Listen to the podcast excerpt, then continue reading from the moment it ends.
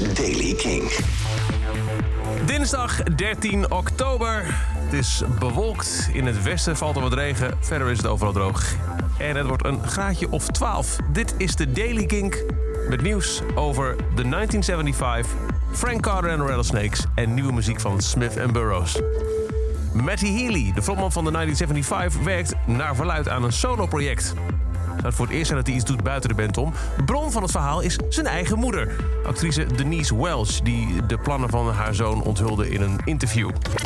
Frank Carter en de Rattlesnakes gaan ook een virtuele liveshow doen. Wordt gestreamd vanuit de legendarische O2 Academy Brixton in Londen op 13 november. En Smith Burroughs hebben een nieuwe single uitgebracht. Na All the Best Moves is er nu Old TV Shows.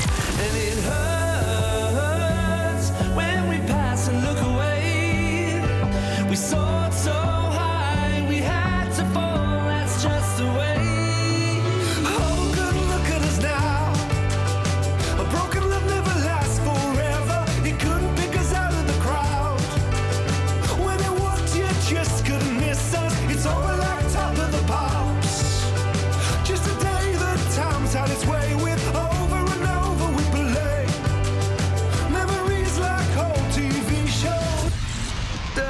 Smith en Burroughs. En daarmee een einde aan deze editie van The Daily Kink. Elke dag in een paar minuten bij met het laatste muzieknieuws en nieuwe releases. Wil je nog niks missen? Luister dan dag in, dag uit via de Kink-app, kink.nl of waar je ook maar naar een podcast luistert.